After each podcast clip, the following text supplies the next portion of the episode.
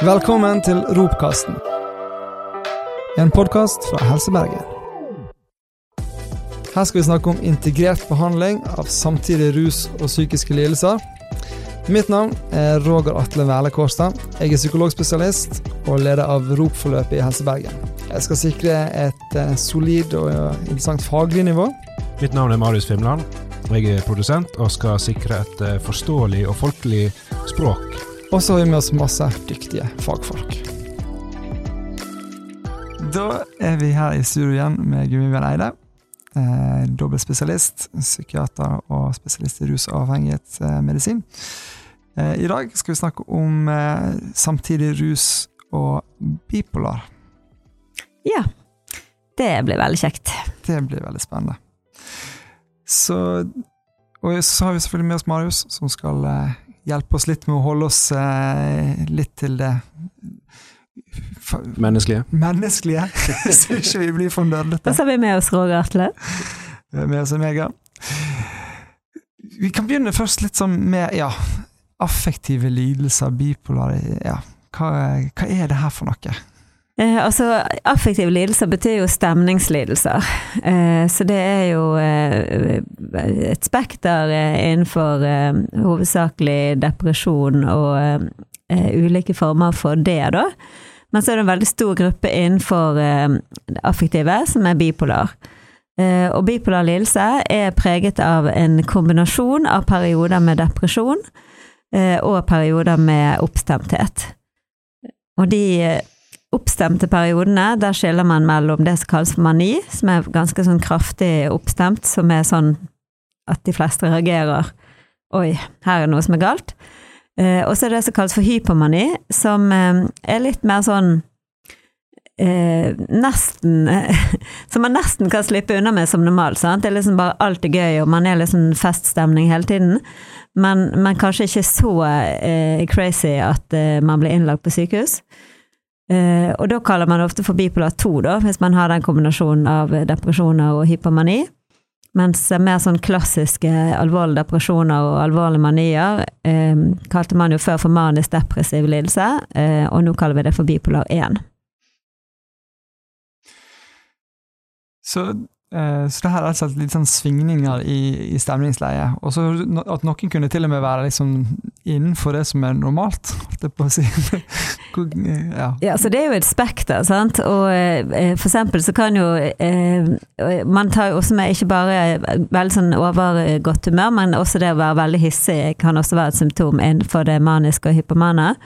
Og det er jo sånn at for eksempel eh, hvis en eh, nordmann begynte å skjelle ut naboen som en italiener kan skjelle ut naboen, så vil kanskje den nordmannen fylle kriteriene for en hypomani eller en, kanskje til og med en mani, mens eh, det er såpass vanlig med voldsomme emosjoner i sånne situasjoner i nærmere Middelhavet, da, at da vil man si at nei, det er helt normalt, sånn er det vi snakker til hverandre her. Så det er jo liksom kontekstavhengig også, da, men det handler jo først og fremst man, at man er liksom ikke helt seg sjøl, da. Så hvis man er noen italiener i Norge, så kan man jo eh, få lov til å være det. Skal ikke få noen diagnose bare fordi du flytter til Norge. Men, men hvis man plutselig forandrer liksom personlighet og blir sånn overgiret, og begynner å gjøre ting som man egentlig normalt ikke ville gjort, eksempel. Det er liksom mer der, da, at det er langt over.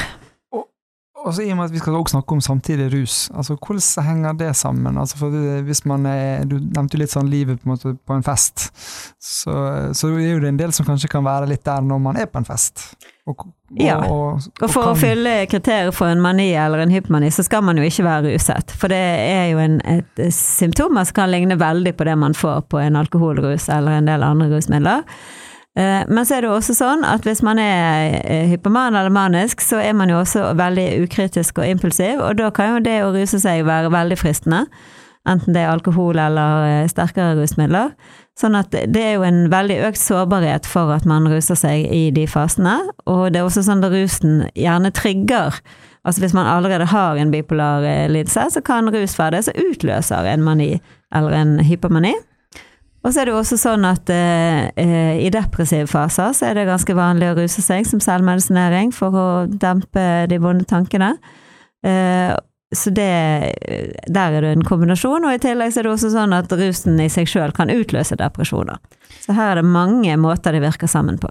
Hvordan i all verden skal vi klare å skille på Ikke en klinisk setting, eller ja. Hvordan skal vi skille på det her? Finne ut av hva som er hva.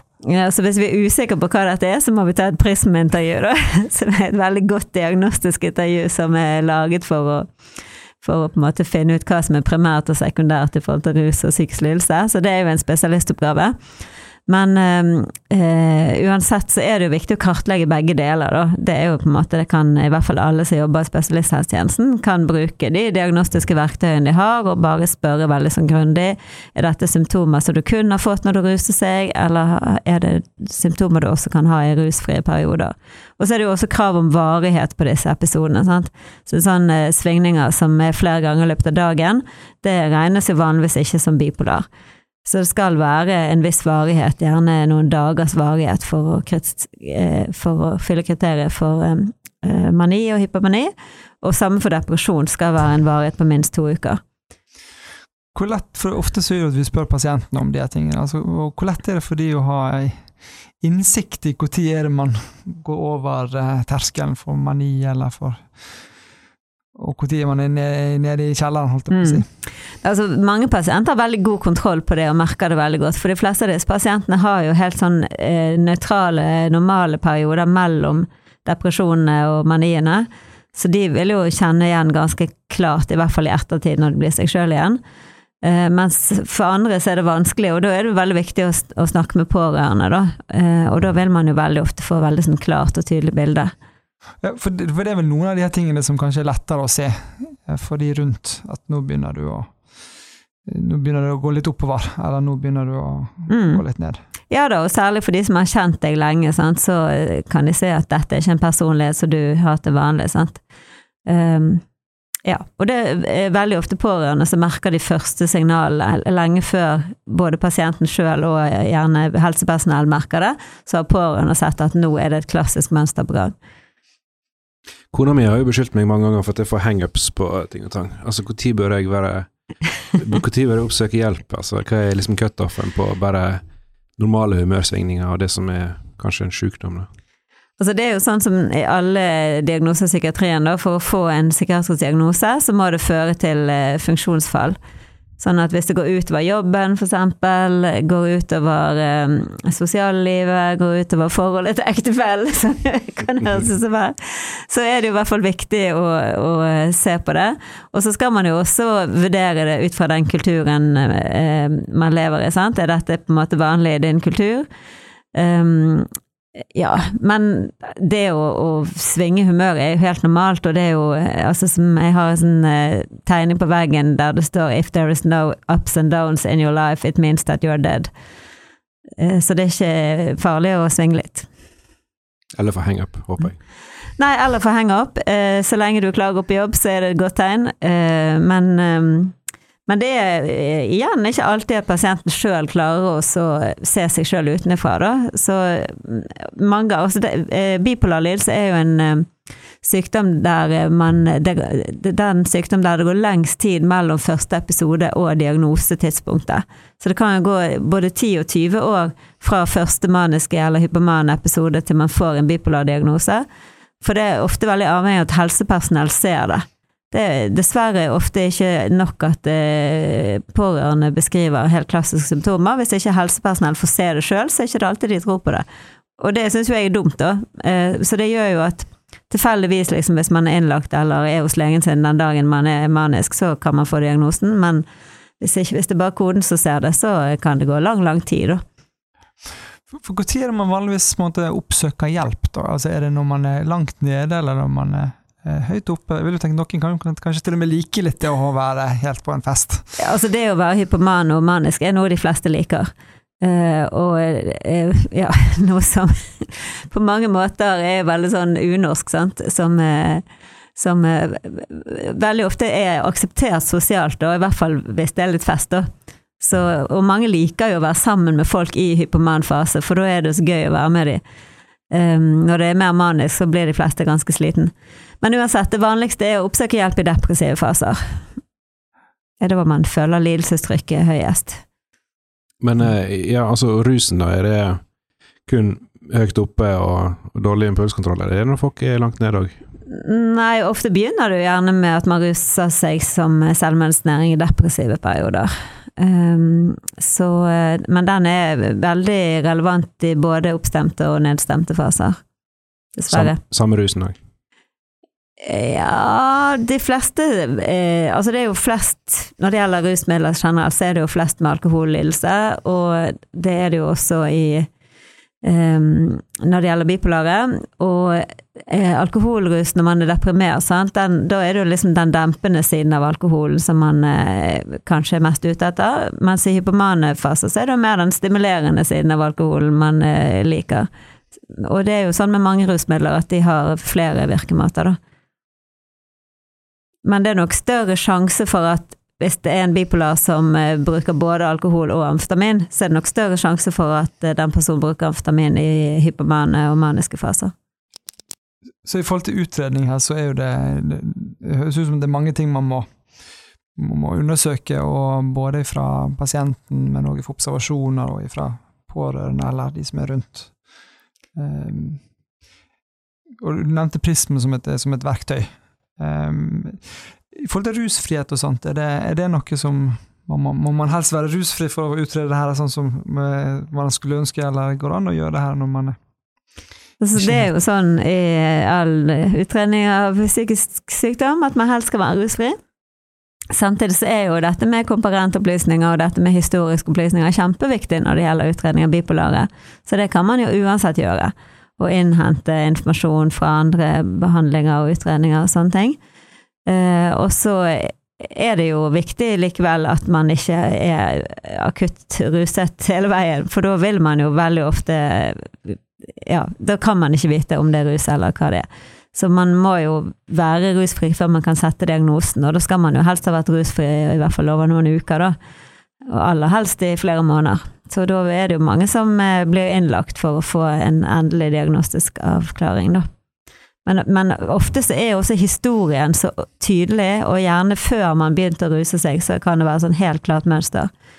Og da går det an å sette diagnosen på de historiske opplysningene, for vi, ut fra det vi vet, så er jo bipolar lidelse en kronisk lidelse hos de aller fleste. Ja, for det vil jo være noe med når man skal utrede, at man vil jo ikke finne de episodene samtidig.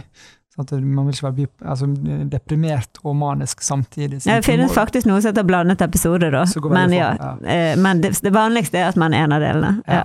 Så, så, man må jo gjerne se det eh, uansett inn i et historisk kontekst. Mm. man kan liksom ikke holde pasienten innlagt et år for å se om han blir deprimert, og deretter manisk. Nei da, så det historiske informasjonen er jo den viktigste.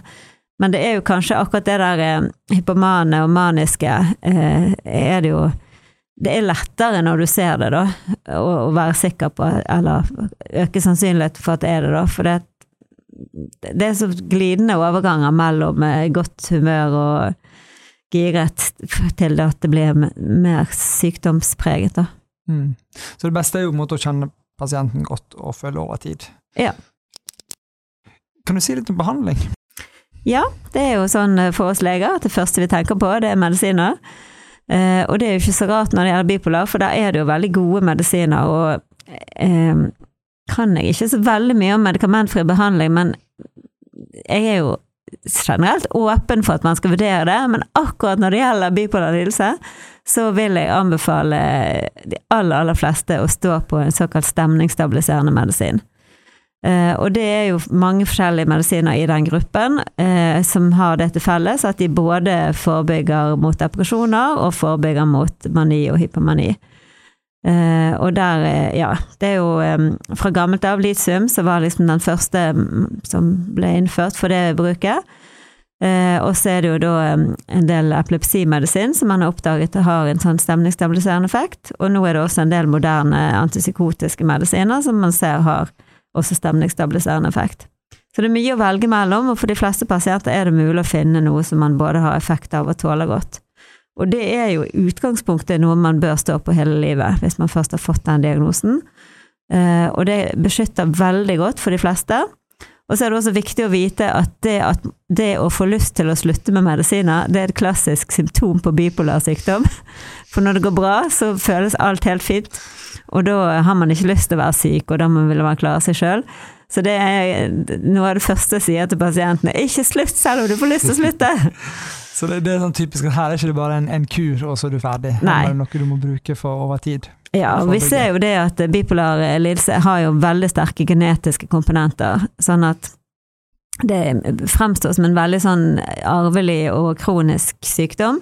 Og selvfølgelig kan man ha en sårbarhet, og det er ikke alle, men den sårbarheten som får sykdommen, det kommer an på ja, hvor sterk den sårbarheten er, og hva man opplever her i livet. Men har man på en måte først bikket over den at man har fått både depresjoner og, og gjentatte hypomanier og manier, så er det veldig stor sjanse for at man får det igjen. Så da eh, er det veldig lurt å stå på en eh, passe dose medisiner.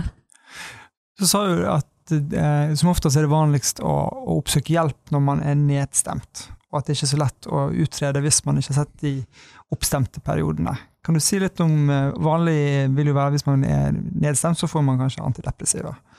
Kan Ja. du si litt om hvordan det vil påvirke på en som har Altså For mange bipolar så fungerer det veldig fint med antidepressiva, men det er en, en god prosent eh, som kan få eh, mani eller hypomane-symptomer av som bivirkning av antidepressiva.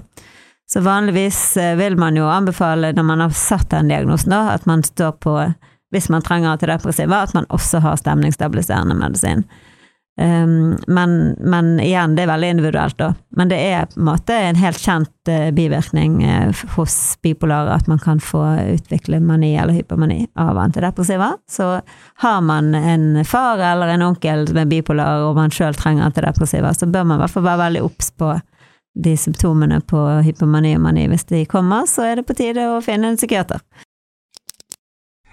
I forhold til integrert behandling her, når man har mm, samtidig ruslidelse og skal behandle de her stemningssvingningene, hvordan eh, kommer det fram? Ja, altså eh, Det er ikke noe krav om rusfrihet for å bli medisinert for bipolar lidelse. Det er viktig at man har medisiner likevel. Det kan være litt eh, krav om hvilken type medisin man bør ha hvis man ruser seg, men iallfall så vil de fleste ha glede av eh, stemningsstabiliserende medisiner rusfri eller ikke, men de virker jo definitivt best hvis man er rusfri, da. Så det er jo et godt råd. Eh, og det er også en viktig del av behandlingen. Det er jo rett og slett å informere pasientene om eh, hvor mange ulemper det er med rus knyttet til bipolar lidelse. Man har en større sårbarhet enn eh, folk flest.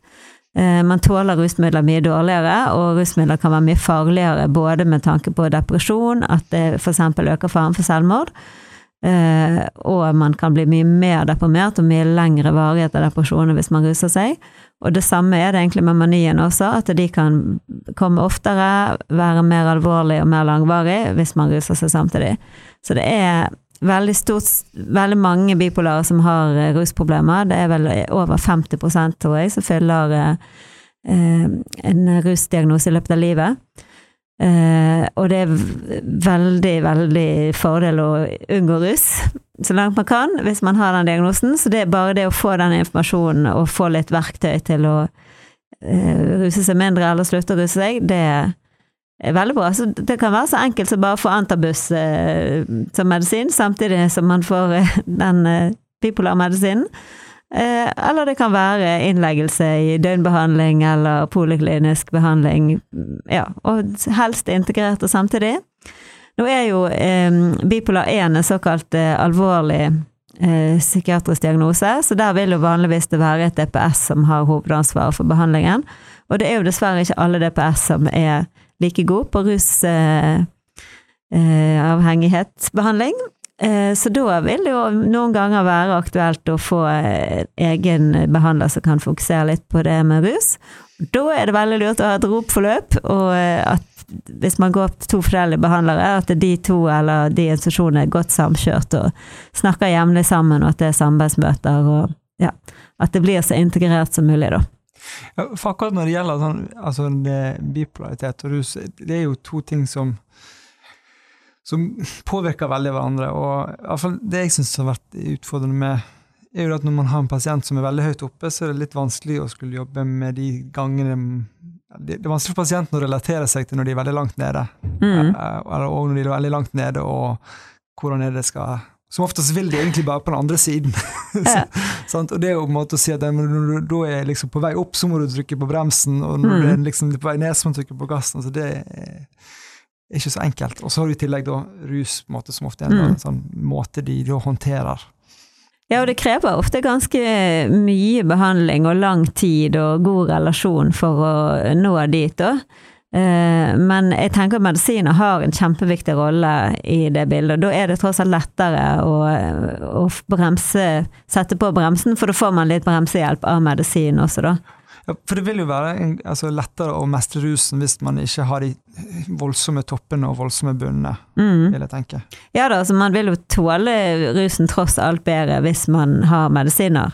Men igjen så vil man jo få et mye bedre livskvalitet da, som bipolar. Eh, uten eh, rus og med gode medisiner, så vil man kunne leve ganske tilnærmet normalt liv.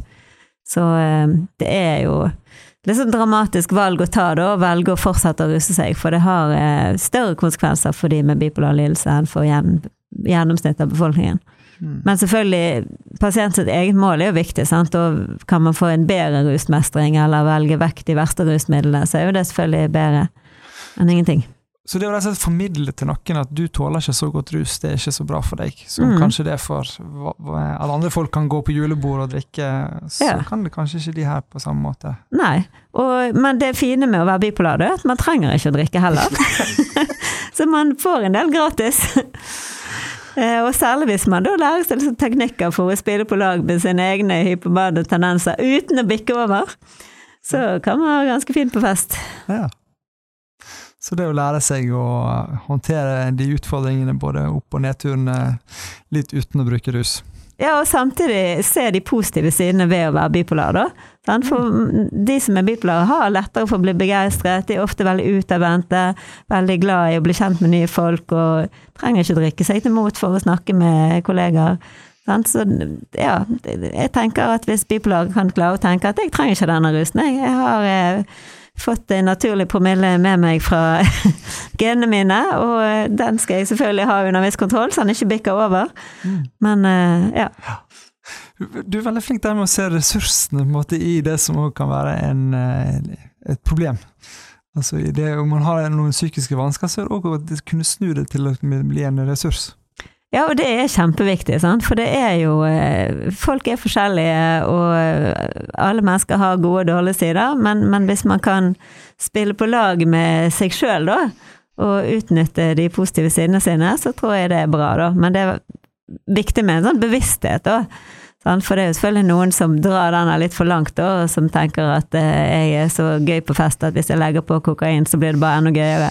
Det er ikke lurt.